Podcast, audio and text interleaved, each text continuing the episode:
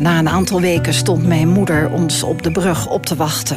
En kwam er dus achter dat inderdaad ik opgehaald werd door een jongen. En dat mocht dus niet. In het donker met mijn ogen dicht. Zoek ik naar jou en is het hopen dat jij gevonden worden wil. Twaalf jaar later ben ik hem tegengekomen, heel onverwachts. Jaren zonder ons, ik weet niet wat jij vond, was het licht? Ben jij in het donker met je ogen dicht? Of je me nog herkent, of je nog aan me denkt, of je me nodig hebt, of er al over bent, of ik je nog herken, of jij dezelfde wens als ik heb, of geen mens meer mist Als je ouder bent en je hebt allebei je bagage van het leven, dan heb je ook meer geduld om te begrijpen waar die ander mee worstelt. Als je jonger bent, geef je veel sneller op. Dat het niet mocht, weet je, dat was gewoon verschrikkelijk eigenlijk. Dat hebben we ook nog wel steeds hoor. Nu mag het en maak er gebruik van. Zoek jij mij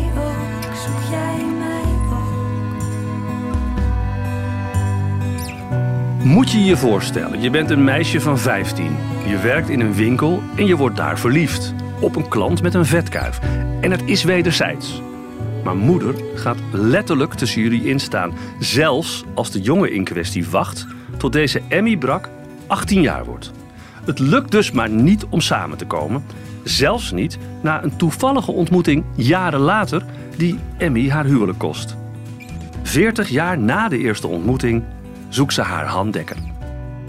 Ik ben Ron Kas en dit is een aflevering van Op zoek naar, de podcastserie van het eerste zoekprogramma van Nederland, Adres Onbekend.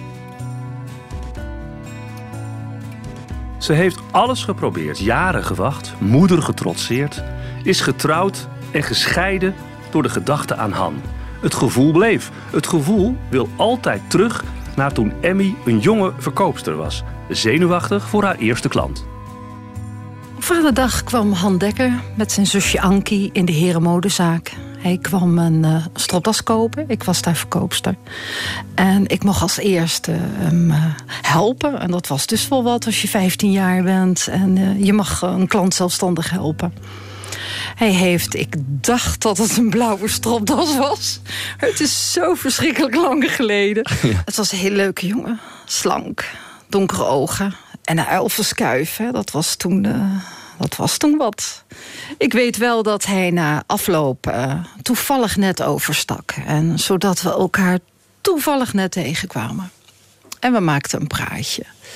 En zo is het dus eigenlijk begonnen dat hij me naar en van het huis uh, thuis brengde. Want vanaf die dag bleef hij dat doen? Ja, s morgens vroeg stond hij te wachten op de hoek bij de apotheek. En dan bracht hij uh, me naar mijn werk. Wat een aardige jongen. Ja, heel aardig. Ja, ja. En, te, en weer terug, hè, s'avonds. Stond hij weer te wachten gewoon? Stond hij weer te wachten. Nou zeg. Bracht hij me thuis. Dan maak je dat mee, hè?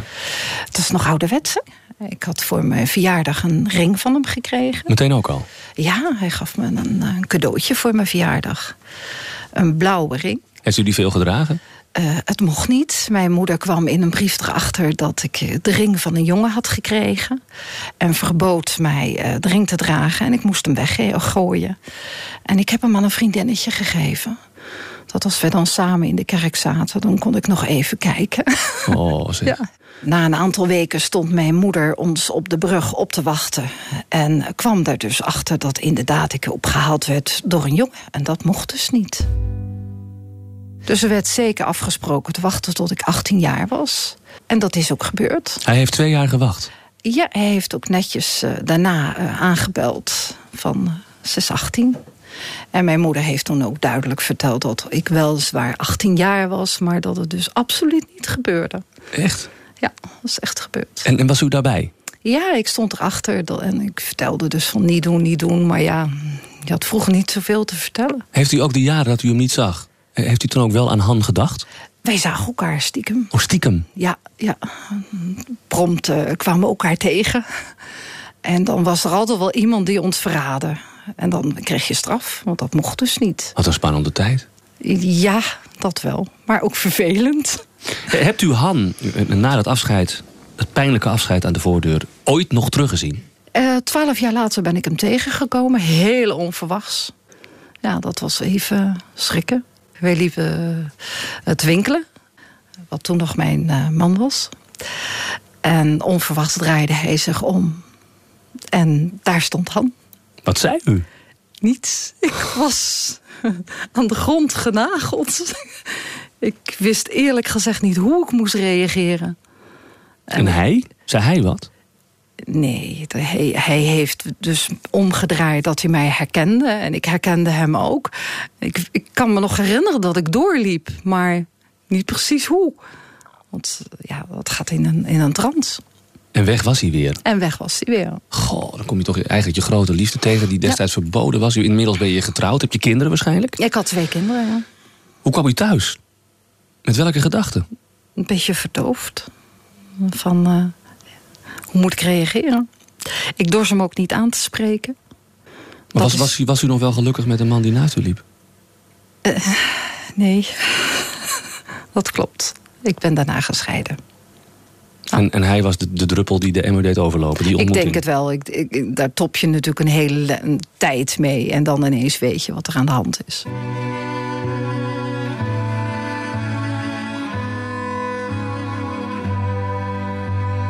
Dan ben je dus gescheiden en mis je Han, die je even weerspiegeld zag in een etalageruit. Er komen niet veel reacties op deze zoektocht, maar er belt wel iemand vanuit Kroatië. Het is Anneke Dekker, een zus van Han, en die zegt: Het gaat niet goed met mijn broer. Zijn vrouw en dochter zijn overleden en hij is zelf opgenomen in een inrichting. Maar ik denk anderhalf jaar geleden hebben we met elkaar het over je gehad. Oh, wat leuk. Eh, ja, ik weet, je was een grote liefde van hem. Dat Ja, weet ik. Dat klopt. Dat En- was die. Ik weet ook dat het heel moeilijk is geweest, eh, zeg maar, dat jullie geen verkering mochten hebben. Ja, dat klopt. En ik weet ook zeker, ik moet hem schrijven, want ik kan hem niet telefonisch bereiken. Weet ik zeker dat hij het ontzettend leuk zou vinden om je weer te spreken. Nou, anders ik wel, hè? Een brief is onderweg. Emmy is bovenal blij en zegt nog: Ik haal hem uit die inrichting. Er verstrijkt tijd tussen zoeken op Vaderdag en terugkeren met Kerst. Ja, ik was eh, ontzettend blij. Want ik had natuurlijk lang na, daarna nog even met Anneke gesproken. En eh, het was mij toch wel heel duidelijk waarom hij het moeilijk had. Dat begreep ik dus ook wel. Maar de, het waren de laatste twee weken van mijn, de langste twee weken van mijn leven. Want ik moest wachten tot Anneke van vakantie terugkwam. En dat was erg moeilijk en heel zwaar. Ja, elke dag dacht je, ik kom een dag dichterbij. Han. Ja, ja, oh, ja, de eerste drie dagen waren bijzonder zwaar. En daarna, eh, ja, je gaat de dingen doen. En dan eh, komt ze thuis en dan heb je nog een heel lang gesprek. En dan zegt ze, ik ga mijn broer bellen. Ja, en dan, eh, dan gaat de telefoon, eh, heel onverwachts. En dan hoor je ineens met Han. Ja, dat is heel bijzonder. Want ja, hoe moet je reageren na 41 jaar? Hè? Het is heel erg moeilijk. Het enige wat hij eh, constant zei is: Het komt goed. Hebben jullie elkaar snel gezien daarna? Ja, hij heeft me vrijdagavond gebeld. En twee uur later heeft hij weer teruggebeld. Want ja, dat moest bij hem natuurlijk ook een beetje. Hè, het was allemaal onverwachts. En zaterdagochtend heeft hij gebeld dat hij een treinkaartje had gekocht. en zondagmiddag is hij eh, gekomen. En eh, ja, we herkenden elkaar gelijk.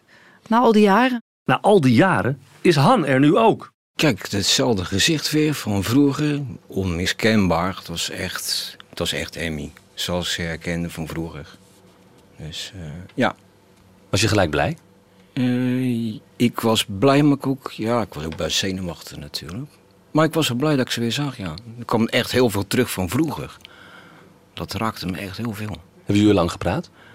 Eh, wij hebben een half uurtje zitten praten. Toen ben ik met haar mee naar huis toe gegaan.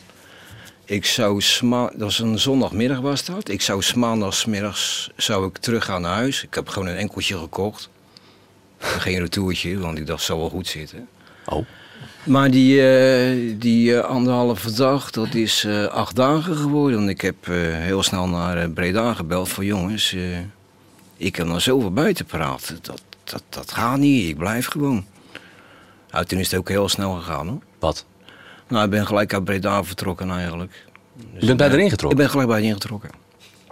Ja, ik heb ze na de tweede dag, op de tweede dag dat ik ze zag, is maandags zag ik ze. De tweede dag, heb ik ze gelijk ten huwelijk gevraagd. Dat is wel het toppunt van romantiek, hè? Ja, nou ja, ik wist wat ik had dus. Je, je had 40 jaar in te halen. Ja. Heb je haar in, in die jaren net zo gemist als zij jou? Eh, ik denk, eh, nou, ik denk op een, op een manier wel, maar ik heb best veel dingen meegemaakt. Ik denk dat ik het echt heel ver weggestopt heb. Het kwam eigenlijk naar boven toe toen mijn zus sprak, een, een babbeltje en over vroeger. En toen kwam eh, Emmy te sprake. Ja, en toen kwam het best wel uit dat het het allerliefste was wat ik ooit gevonden had. Wanneer gaan jullie trouwen? Rond Vaderdag volgend jaar, 20. Het kan ook niet op ook, hè? Doe je een blauwe das om? Eh, nou, dat zou best kunnen. Heb je al een trouwjurk, Emmy? Ja. Oh, die is al uitgezocht. Een lange, een lange sleep. Het wordt echt een bruidsjurk. Ja, het, het enige heel pijnlijk in dit verhaal is natuurlijk je moeder, die eh, in de weg stond. Leeft jouw moeder nog? Mijn moeder leeft nog. En zij zegt dat ze het niet meer kan herinneren. En het is zo lang geleden. Je moet toch door. En ze is er gewoon bij. Ze is mijn moeder. Is het haar vergeven? Ja, ach. Ik heb mijn liefde teruggevonden. Dus vergeven is dan ook wat makkelijker. We hebben hele leuke dingen meegemaakt. En eh, zeker ons eigen liedje hè, van eh, Willeke Alberti. We hebben de voorstelling. Ze heeft een stukje van het liedje gezongen. Het liedje over zaterdagavond, Ja, kwart over zes. Hoe Ja. heette dat? Ja. Toen jij in de winkel dat dasje kwam kopen, toen zag ik in jou nog alleen maar de klant. Ik vond je wel knap, maar dat liet ik niet blijken. Maar keek toch tersluiks eens naar jouw rechterhand. Je was niet getrouwd, had geen ring aan je vinger. En toen dus je stem iets galants tot me zei. Toen heb ik je blozend het antwoord gegeven. Vanavond om kwart over zes ben ik vrij. Dat liedje was het, het verboden liedje, want je mocht het op het moment dat je het zong met je moeder erbij, wist zij van hand. Ja, dan wist zij van Han. Ja. Ja. Het wordt ook eh, gespeeld als we het stadhuis inkomen. Ik hoop ook dat jullie nog, eh, nog heel lang samen zijn. Dankjewel. Dankjewel. We doen er ons best voor en we, we tekenen voor 40 jaar.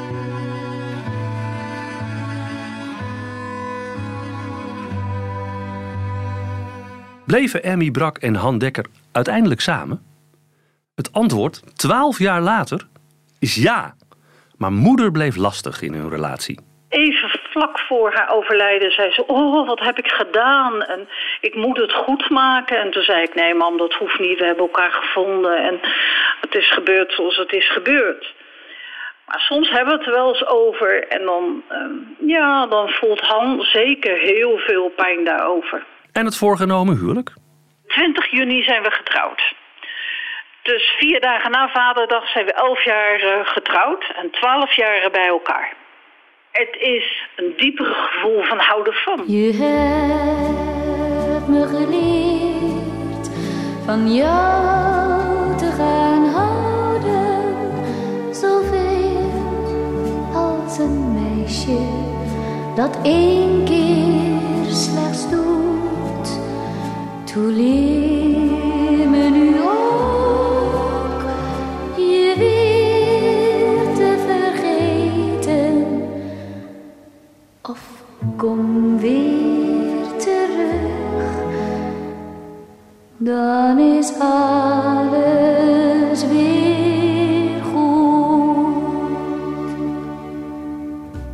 Wil jij reageren? Heb je zelf een grote zoektocht? Zoeken@adresonbekend.nl. Deze podcast is mede mogelijk gemaakt door KRO NCRV, NPO Radio 5, de zeven beste regionale omroepen en Adres Onbekend.